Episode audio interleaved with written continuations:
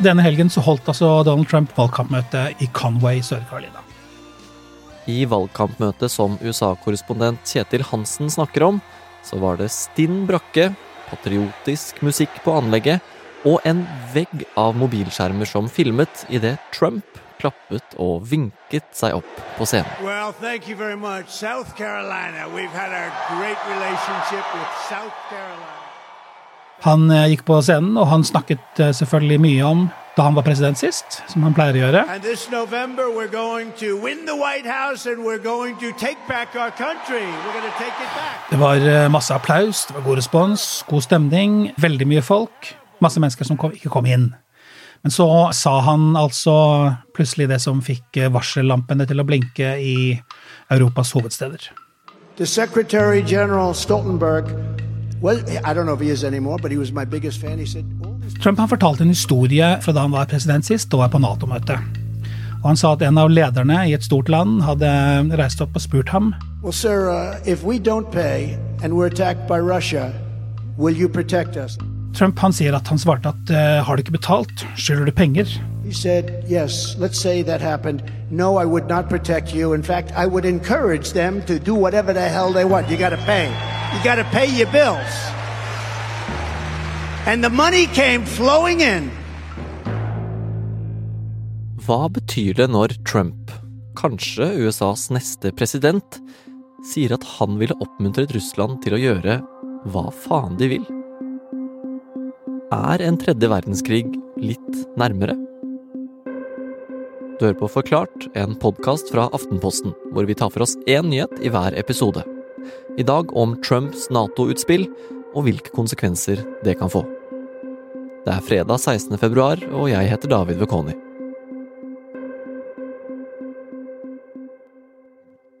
Kjetil, eh, Trumps lille Nato-historie har jo fått mye oppmerksomhet den siste uka. Eh, Hvordan ble uttalelsen tatt imot?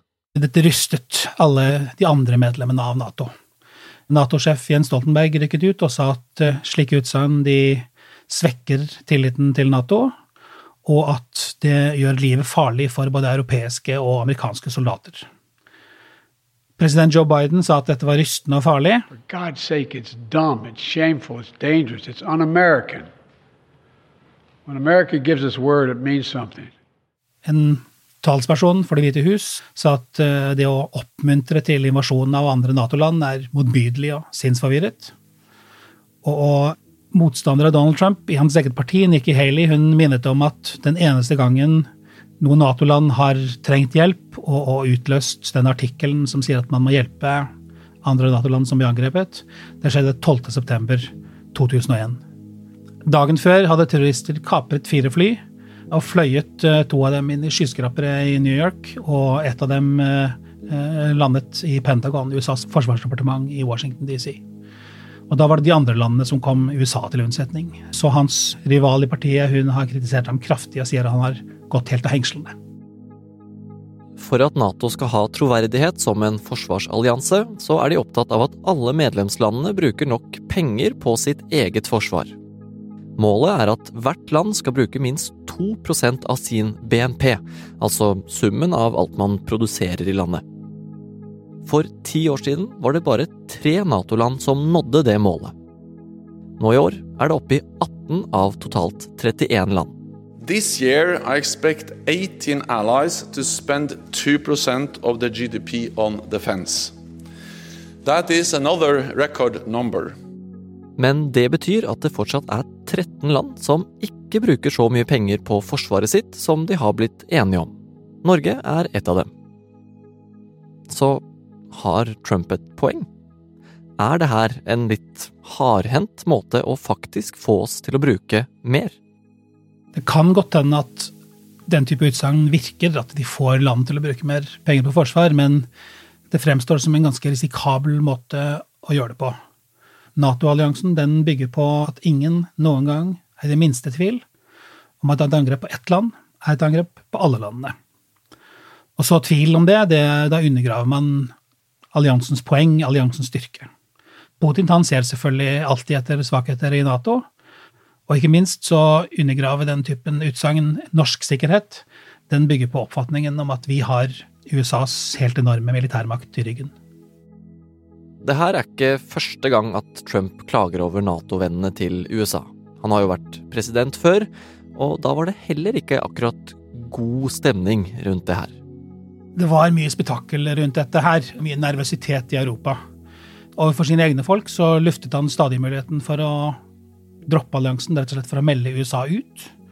Han gjorde det helt klart at han stort sett så på Nato som et pengesluk, og i interne Nato-møter så antydet han det samme. Ja, og, så er det jo ikke utenkelig at han blir president igjen nå i november. Hva kan skje da? Valgkampsiden hans er litt kryptisk. Der heter det bare at eh, Natos mål og oppdrag må reevalueres helt fundamentalt. Men som vanlig så er jo Trump litt tydeligere når han eh, snakker offentlig, sånn som han gjorde i Sør-Carolina sist helg. Og det kan jo da svekke tilliten til Nato internt og Natos avskrekking utad. Mange vil nok synes at det er ganske urovekkende. Hele poenget med Nato er jo at ingen skal våge å gå til angrep eh, på oss. Men hva om det allerede er for sent? Hva om tredje verdenskrig faktisk er i gang?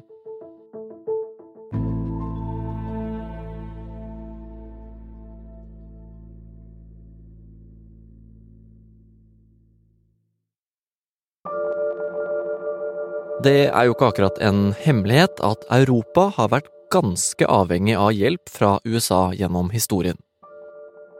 USA var helt avgjørende for utfallet av begge de to verdenskrigene. De kom jo inn motvillig i begge to, og, og, det var på mange måter vendepunktet i begge krigene.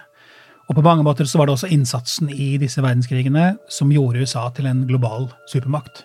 Før krigene så var landet mer innadvendt, og om man kan si det slik, litt mer Amerika først. Etter andre verdenskrig derimot, så dannet USA, Norge og et par andre land Nato. USA hjalp da med å få Europa på fote igjen økonomisk med enorme summer i, i Marshall-hjelpen, og de hadde et eget program for militær støtte. Men er vi fortsatt like avhengig av USAs støtte i dag? Alt tyder på det. Nå har jo de aller fleste europeiske landene rustet kraftig opp de siste årene. Eh, men mye tyder på at Nato trenger USA. Og her i Norge trenger vi eh, Nato. USA har alene større luftmakt enn hele resten av Nato, og de har flere soldater enn de seks største andre landene til sammen. Europa-Nato har riktignok større militær styrke enn Russland, men uten USA i ryggen så er ikke avskrekkingen helt den samme. Dette vet selvfølgelig ledere i Nato, og jeg var nylig med eh, Norges utenriksminister Espen Barth Eide da han snakket med amerikanske politikere, og med Nato-sjef Jens Stoltenberg da han eh, gjorde det samme. Og de eh, konsentrerte seg i ganske stor grad om å snakke med republikanske politikere, og som man tenker har kanskje innflytelse i partiet og kanskje kan nå frem med sitt budskap til Donald Trump. Så hva om det verste skulle skje? og vi skulle trenge at USA igjen griper inn militært i fremtiden. Kan vi ende opp med å stå alene når det virkelig trengs fordi en amerikansk president ikke vil være med i Nato lenger? Det er ikke sikkert det er så enkelt. Det er vedtatt en ny lov i Kongressen, og den sier at presidenten på egen hånd ikke kan melde USA ut av Nato, og at han trenger to tredjedels flertall i Senatet for å gjøre det. Eh, det er vanskelig å se for seg at eh, det skal være mulig å få to tredjedels flertall i Senatet for å melde USA ut av Nato. Så det er ikke sikkert at eh, Trump kan gjøre som han vil i denne saken, selv om han skulle bli valgt. Men det er ikke betryggende nok for europeiske ledere, som allerede har en krig å håndtere. Og på mange måter så er jo Nato allerede involvert her. Så kan Ukraina-krigen være starten på en tredje verdenskrig? Altså, etter at Russland rulla inn i Ukraina på brei front for uh, nesten nøyaktig to år siden, så har jeg hele tiden trodd at det er en stor fare for at dette blir en tredje verdenskrig som involverer mange flere enn de to landene der. Det har jeg fortsatt en frykt for kan skje, men heldigvis så tar jeg jo feil med jevne mellomrom. Frank Rossavik, du er eh, ikke ufeilbarlig kommentator her i Aftenposten. Og det er jo en del mer prat om en stor krig nå enn det har vært tidligere. Hva er det militære og politiske ledere i Europa sier nå? Riktignok så har jo det vært snakk om fare for en stor krig hele tiden, men det har tatt seg opp de siste månedene. Og jeg tror at det skyldes at man har en følelse av at noe må skje snart på slagmarken. Det har vært relativt stabilt lenge. En periode med ukrainsk overtak er blitt til en periode med russisk overtak. Men brått så vil ting endre seg. En av tingene som har blitt trukket frem den siste tiden, er en parallell mellom situasjonen vi har i dag, og hvordan ting så ut før første verdenskrig brøt ut. Det er ikke så mye som ligner direkte, men altså i første verdenskrig eh, på slutten av juni det året 1914, da, så ble jo den uh, østerriksk-ungarske kronprinsen eh, Ferdinand drept i Sarajevo. Og det var det som i ettertid er blitt sett på som starten på første verdenskrig. Men det gikk jo en lang måned med full forvirring om hva dette egentlig innebar, før da krigen endelig eh, i gåseøynene braste løs. Sånn at undervurderingen av alvoret i situasjonen er kanskje det som er den klareste parallellen til 1914.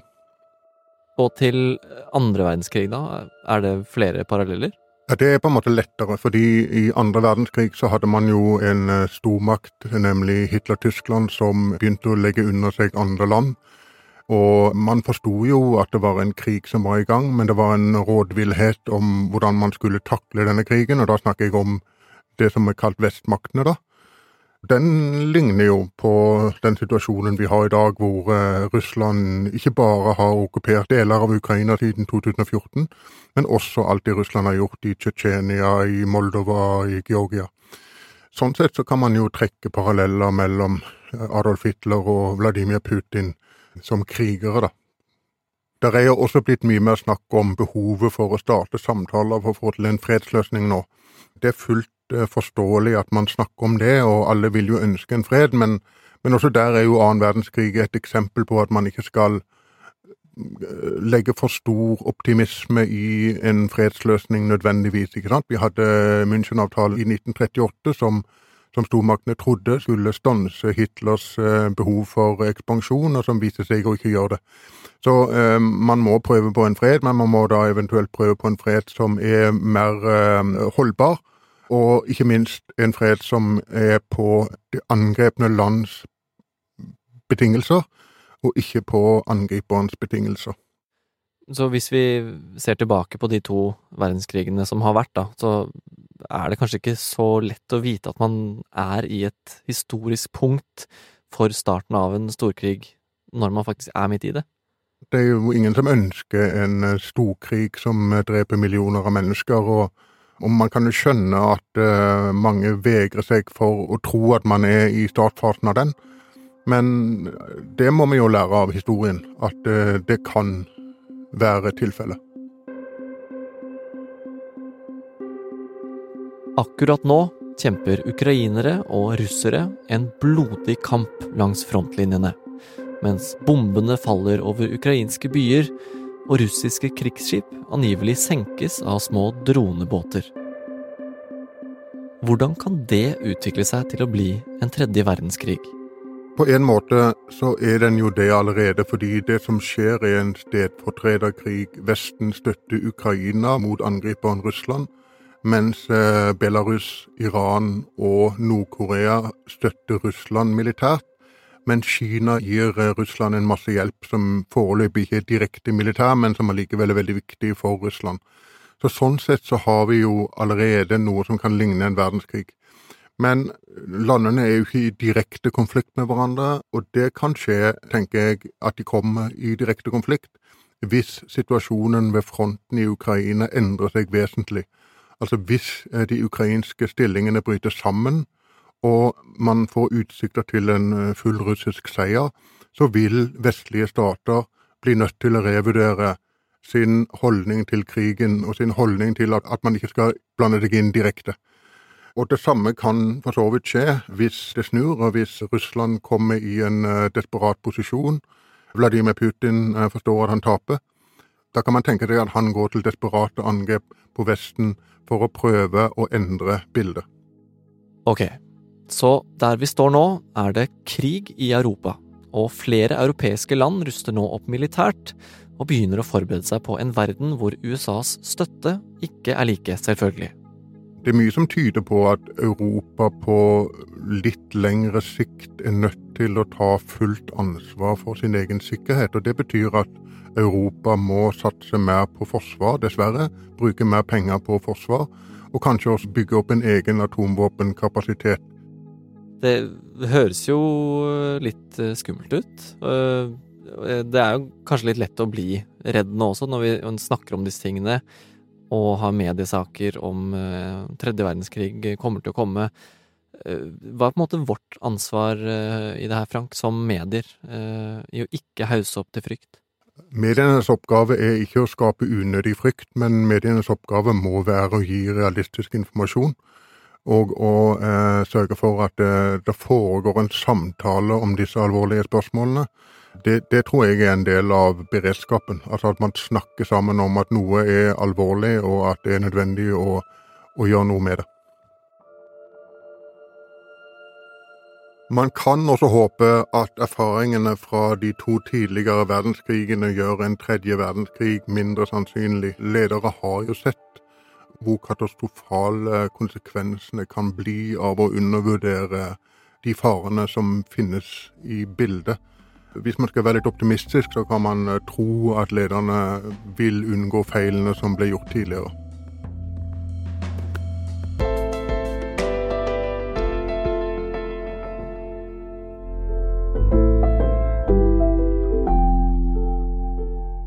Du har hørt en podkast fra Aftenposten.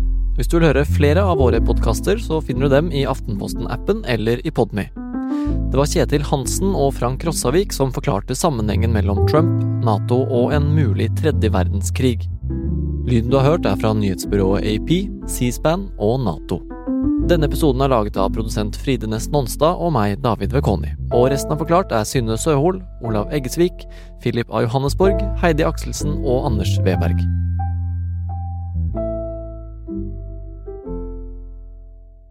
Denne uka i Poprådet har vi hatt besøk av almighty Linnea Myhre. Yes, finally!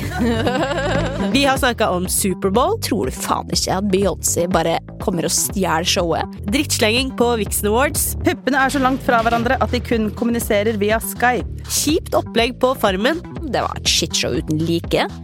Og Miley Cyrus-armer som har klikka på internett. This is Pil Pilates arms. Hør Poprådet i Aftenposten-appen eller hos Podme. Unnskyld meg, altså. Vanlige folk. I don't care.